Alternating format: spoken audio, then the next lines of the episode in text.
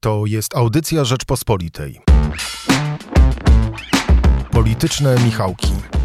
Zapraszają Michał Szułdrzyński i Michał Kolanko. Witamy Państwa w ostatnich kwietniowych politycznych Michałkach. Nim rozjadą się Państwo na majówkę, zapraszamy na nasze tradycyjne cotygodniowe podsumowanie wydarzeń politycznych. E, Michale, chyba trzeba zacząć od sytuacji związanej z ratyfikacją zasobów własnych Unii Europejskiej, bez którego nie uruchomiony zostanie Europejski Fundusz Ratunkowy. Tak, dosłownie te najgorętsze, najnowsze informacje są takie, że już w 4 maja, tuż po majówce, PiS planuje sprawdzić opozycję i e, platformę PSL, a też swoją wewnętrzną opozycję, jaką niewątpliwie jest e, Zbigniew Ziobro i zaprezentuje, i zagłos, będzie, będzie głosowanie nad decyzją o ratyfikacji zasobów własnych. Spodziewam się, że E, później, tak jak wielokrotnie tu pisaliśmy w Rzeczpospolitej, jeśli chodzi o sekwencję wydarzeń, no to PiS zaprezentuje nowy ład. E, później e, odbędzie się kongres PiS na jego szybkiej organizacji pod koniec czerwca, już pewnie w innych warunkach pandemicznych. I zależy bardzo prezesowi Kaczyńskiemu, z tego co słyszałem, no bo chce po prostu zamknąć sprawę odnowienia swojego mandatu. Pół żartem, pół serią można stwierdzić, powiedzieć, że w PiSie też pewnie za jakiś czas mógłby się pojawić ktoś w stylu Adama Bielana. E, o Adamie Bielanie chyba dzisiaj nie będziemy mieli czasu e, powiedzieć, e, choć mm, wyrzucił on w tym tygodniu z partii mm, pana profesora Maksymowicza z powodu jego odejścia z klubu PiS. Z klubu PiS odszedł natomiast mm, Andrzej Sośnierz. Rozumiem, że secesjoniści, ale lojalni wobec Jarosława Gowina, wychodzą z klubu PiS i zakładają własne koło. Tak, to jest ta koncepcja, o której też pisaliśmy już, że w ten sposób powstaje taka przestrzeń, tak e, e, też przekonują ludzie Jarosława Gowina, do której będą mogli przychodzić e, tacy politycy jak Monika Pawłowska. Sądzę, że ona też dołączy w pewnym momencie do tego koła polskie sprawy i wtedy no, będzie się działo, bo nie wiadomo jaka rekonfiguracja jeszcze nas czeka w, ty, w tym Sejmie. No, wydarzenia ostatniego tygodnia pokazały, że wszystko jest naprawdę e, możliwe, więc e, myślę, że będzie się jeszcze działo, nie tylko wokół tego głosowania nad tym funduszem odbudowy, no bo y, nad, nad certyfikacją decyzji o zasobach własnych, bo zdaje się plan Platformy i pewnie PSL-u w obecnej sytuacji będzie taki, żeby przedstawić taką ustawę gwarancyjną, y, pokazać, że to, co wynegocjowała Lewica jest nic y, nie warte jeśli chodzi o gwarancję kontroli tych, tych środków. No i jeśli Sejm się tą ustawą nie zajmie, a mam dziwne przeczucie, że się nie zajmie PiS e, takim pomysłem, no to wtedy prawdopodobnie PO i PSL będą, wstrzymają się od głosu e, przy tej decyzji, a ustawa przejdzie głosami porozumienia lewicy i samego PiSu. Jedno jest pewne po tym tygodniu. E, mówiłeś o tym najważniejszym wydarzeniu. No bez wątpienia chyba najważniejszym wydarzeniem e, było spotkanie posłów e, reprezentujących trzy ugrupowania lewicowe z premierem Mateuszem Morawieckim. Premier Morawiecki przyjął ich argumenty. W efekcie ma dojść do poparcia przez lewicę tej ratyfikacji. Nie wiemy, na 100%, czy lewica zdradziła e, platformę, czy lewica dogadała się po cichu e, z PiSem, czy może to warunki platformy e, nie były wystarczająco dobre. Przypomnijmy, Szymon Hołownia mm, na swoim wideoblogu naśmiewał się ze sposobów, w jaki platforma zaprosiła go do współpracy nad wszystkich partii opozycyjnych przed ratyfikacją zasobów własnych Unii Europejskiej. Ale E, jedno jest pewne. Po tym tygodniu opozycja jest niezwykle podzielona. E, to prawda, jest podzielona i też, ale wydaje mi się, że lewica postawiła na swoim, tak jak e, wybiła swoją flagę w, w jakiś teren i to jest teren zwrotu ku, ku jednak innym koncepcjom i sprawom niż stawia na to reszta opozycji, bo przede wszystkim myślę, że lewica to jest kolejne działanie, które E, pokazuje taką koncepcję zwrotu ku klasie ludowej. To znaczy, politycy lewicy na tej konferencji prasowej uważnie słuchałem, mówili właśnie, że chcą załatwić coś dla ludzi, a nie zajmować się sami sobą.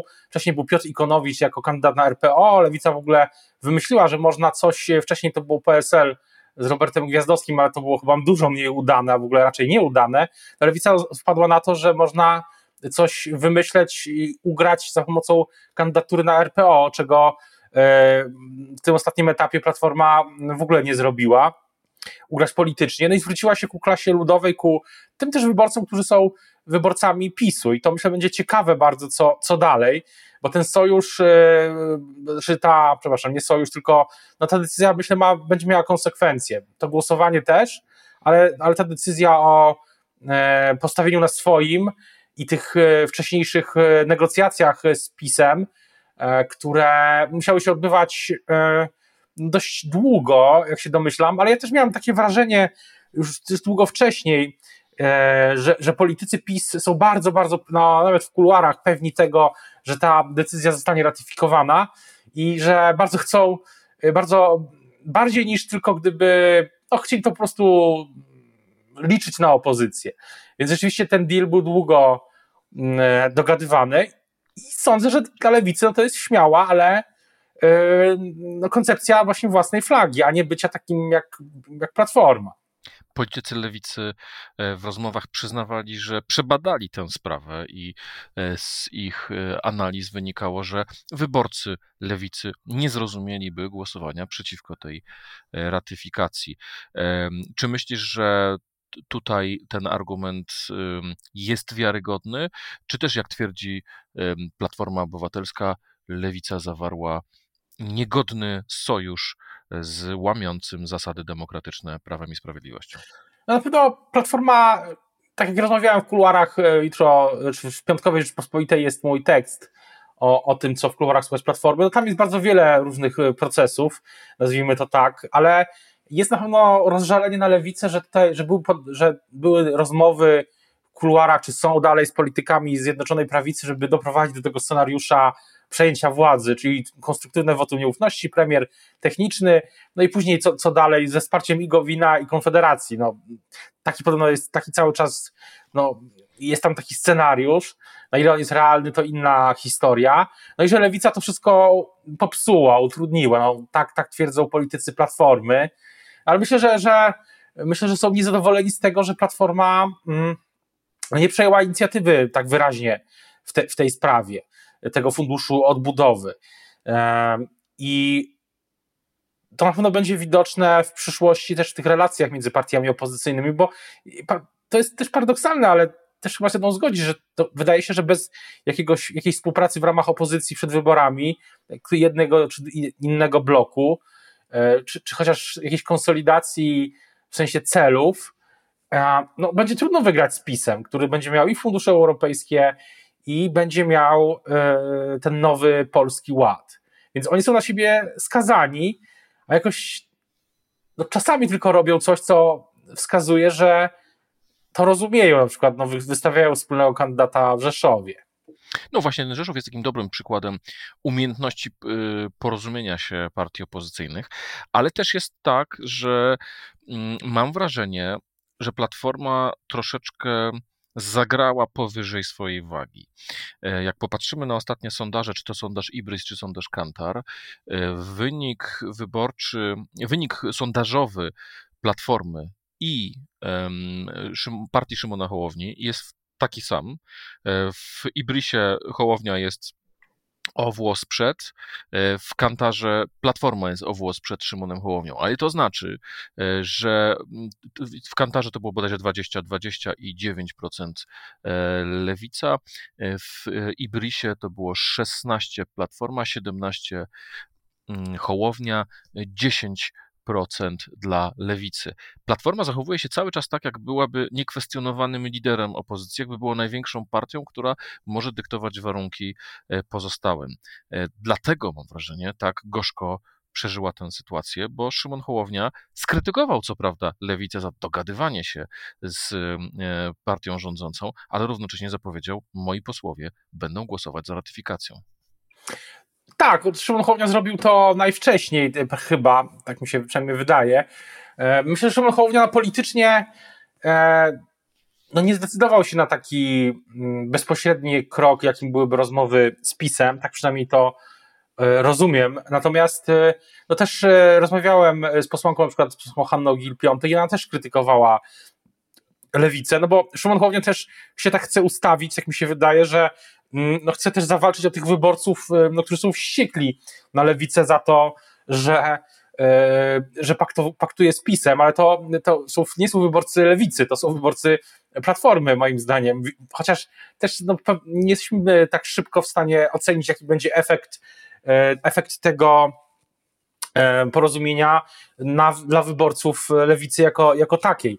Na pewno otwiera nowe możliwości, ale też na pewno politycy Platformy będą przekonywać, że to się wyborczo nie opłaca i pokazywać jakieś badania czy, czy, czy sondaże, z których to, z to wynika. Więc będzie ciekawie, na pewno e, ta wymiana ciosów się, się nie skończyła i nie kończy. A czy ty nie uważasz, że to jest taka mm, zaskakująca zmiana miejsc? Przez ostatnie miesiące obserwowaliśmy coraz poważniejsze konflikty wewnętrzne w Zjednoczonej Prawicy. Zbigniew Ziobro podszczypywał Jarosława Kaczyńskiego, Jarosław Kaczyński podszczypywał Ziobrę i Jarosława Gowina, e, Gowin Kaczyńskiego i tak to się wszystko kręciło. Wszyscy się zastanawiali, e, sami przecież kilka razy w politycznych Michałkach mm, analizowaliśmy dla naszych słuchaczy kolejne etapy wojny e, w koalicji, a tu nagle w koalicji Y, doszło do spotkania, po którym zdecydowano o uspokojeniu nastrojów, tak to przynajmniej odbieram, e, a oczy opinii publicznej skierowane są na polityków opozycji, która wzięła się e, za mm, bary, tak jak wcześniej Ziobro, Gowin i Kaczyński. No tak, ale procesy w Zjednoczonej Prawicy też dalej trwają. Tam myślę to uspokojenie sytuacji jest chwilowe i takie bardziej. Mm, wynikające no z tego, że rzeczywiście się skupiliśmy, znaczy tak, jest przekonanie o takim uspokojeniu, bo się skupiliśmy na opozycji, a tam dalej y, niewiele się tak naprawdę zmieniło po tym spotkaniu. Y, dalej PiS, jeśli PiS odblokuje czy prze, przeforsuje decyzję o zasobach własnych, to kolejny etap to jest ten nowy ład. PiS może zaprezentować go kiedy chce. Y, oczywiście, z, jeśli będzie miało sens politycznie, czyli w chwili gdy ta, gdy pandemia rzeczywiście zacznie wygasać, gdy Polacy no, zwrócą uwagę na coś takiego, no ale trzeba będzie, trzeba będzie ten nowy ład realizować. No, pewnie niektóre ustawy, niektórym ustawom lewica no, się przyjrzy. E, porozumienie Jarosława Gowina może już mniej, no ale cały czas jest to pytanie, czy PiS będzie miało mm, sprawczość. Chociaż oczywiście w tym tygodniu ja mam takie wrażenie, jak rozmawiam z politykami PiS e, wysokiego i średniego szczebla, no, że, że powiało trochę optymizmem że, że wiosna nasza. Tak, tak, tak chyba PiS zaczyna myśleć. Czy wiosna nasza z powodu sukcesów politycznych, czy z powodu sukcesów z walką e, z koronawirusem? E, we czwartek bodajże, czy we środę, zaraportowano we czwartek dane za poprzednią dobę, e, które wskazały, że w 24 godziny zaszczepiono 1% polskiej populacji, ponad 300 tysięcy osób. No tak, w, w mojej bańce na przykład y, moich kolegów, koleżanek, y, znajomych, przyjaciół, y, ludzi rocznika 8-5 i podobnych, że się tak wyrażę. No, nie, nie ma innego teraz tematu, tylko wymienianie się informacjami, gdzie, gdzie się może zaszczepić, gdzie jest najszybciej, gdzie trzeba jechać, czy trzeba jakiś transport. No, wszyscy tym żyją. I, myślę, że, że jakiś czas jeszcze tak, tak będzie. Natomiast oczywiście jest pewne ryzyko, z którym rząd się, są nawet dwa ryzyka, jeśli chodzi o pandemię, to też o tym pisaliśmy.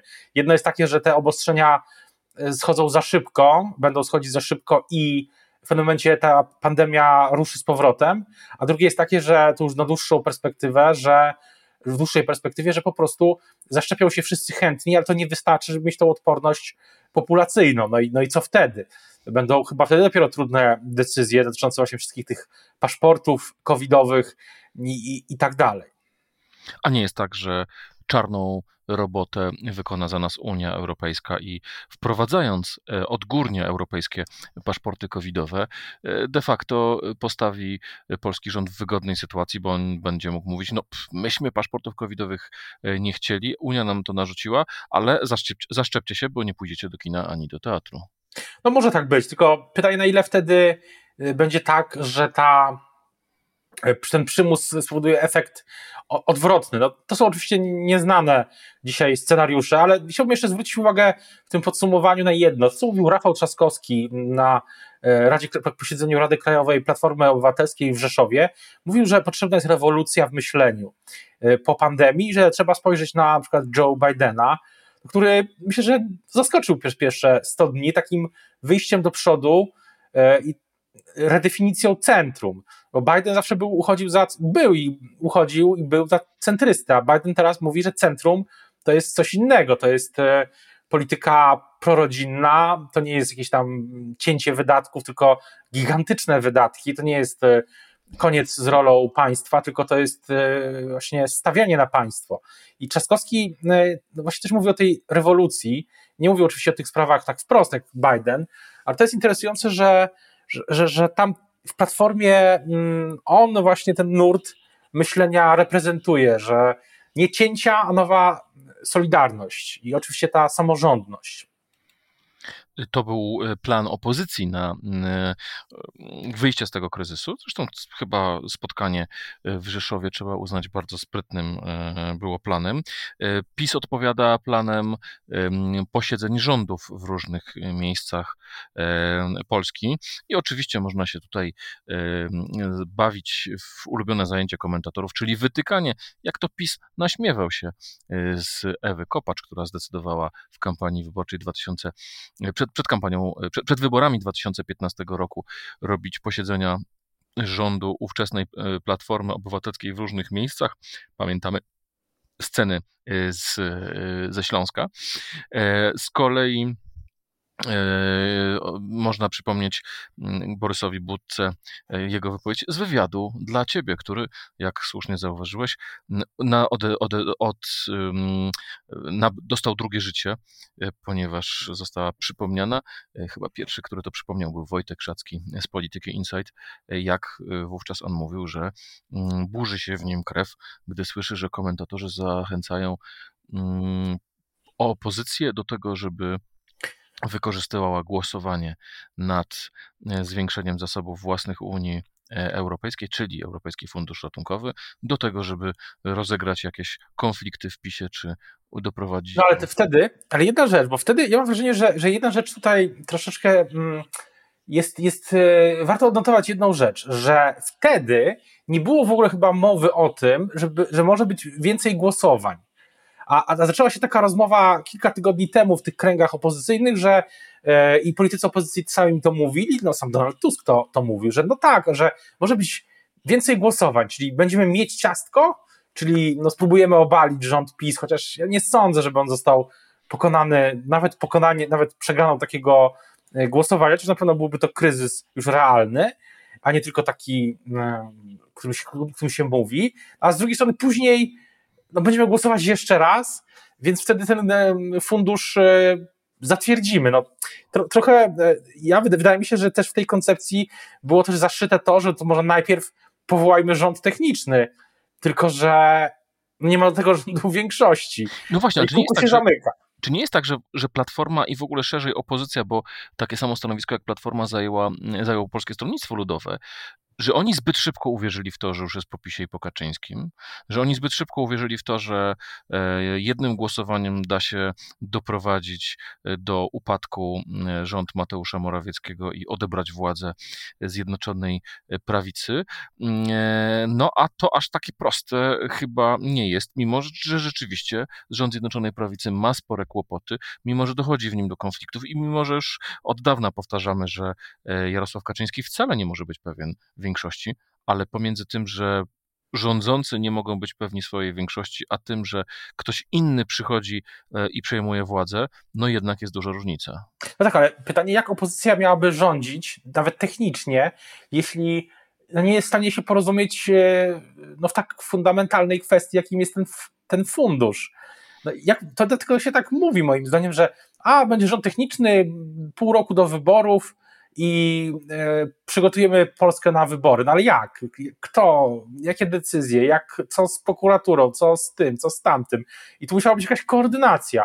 A ja, ja jej po prostu w tej chwili e, szczerze mówiąc nie widzę, no pomijając już ten drobny szczegół, że w tej układance musiałby być i Gowin, i Konfederacja, i Adrian Zandberg. No, ja tego po prostu, no, politycy opozycji przekonują. Przekonywał mnie ostatnio na przykład Michał Kamiński, że to jest w, w rozmowie w Rzecz o Polityce w ubiegłym tygodniu bodajże, że, że to jest możliwe, no ale mm, na razie opozycja w kilku sprawach się potrafi porozumieć, jak Rzeszów, czy ten podatek od mediów, ale w tej, w innych sprawach no w ogóle nie ma koordynacji, na przykład głosowanie nad RPO. No dlaczego część Platformy jednak, no chyba na złość, y, zagłosowała przeciwko, czy nie poparła, przepraszam, Piotra Ikonowicza, no i to musiało wzbudzić pewną irytację, wzbudziło z tego co wiem, mocną nawet w lewicy, no coś tu nie gra. Michale, to już podsumowując, czy wierzysz w to, że w najbliższych dniach albo tygodniach e, rząd Mateusza Morawieckiego upadnie i powstanie rząd techniczny opozycji? Nie, absolutnie w to nie wierzę. A wierzysz w to, że w tym roku będą przyspieszone wybory? No wykluczyć się tego nie da. Ale moim zdaniem ten tydzień to mm, oddalił, chyba że będzie kolejny, bo jednak ja uważam, że lewica dokonała przynajmniej dla siebie, wygenerowała tak zwany game changer, ale chyba że będzie kolejny. No, wydaje mi się, że, że najbliższe godziny ta majówka to będzie mm, polityczna majówka i na, na najbliższe dni, godziny, miesiące, tygodnie będą bardzo ciekawe. E, jeden z polityków lewicy, z którym rozmawiałem, zwrócił mi uwagę na bardzo ciekawy paradoks. Dzisiaj dla lewicy przyspieszone wybory byłyby na rękę, ponieważ mają 10%, czyli tyle, ile dostali w poprzednich wyborach i zachowaliby status quo. Platforma z kolei straciłaby 30% albo nawet więcej e, swoich e, posłów, a zatem przyspieszone wybory dzisiaj dla Platformy są bardzo nie na rękę poprzez to całe zamieszanie widmo przyspieszonych wyborów e, się oddaliło. W związku z tym Platforma powinna raczej dziękować lewicy, niż się na nią złościć. Co ty na taką interpretację? Jeden z, jeden z wielu paradoksów e, tej sytuacji. Innym jeszcze już zupełnie na koniec jest taki, że, że to PSL zawsze było partią, która była między PiSem a opozycją, a teraz e, PSL jest razem z Platformą, czyli razem z no, tym twardym skrzydłem. Bardzo Ci, Michale, dziękuję za dziękuję. naszą audycję, którą realizował e, Michał Patyra, a wydawcą była Magdalena Burkiewicz. Życzymy Państwu bardzo miłej i pełnej odpoczynku majówki. Słuchaj więcej na stronie podcasty.rp.pl. Szukaj Rzeczpospolita Audycje w serwisach streamingowych.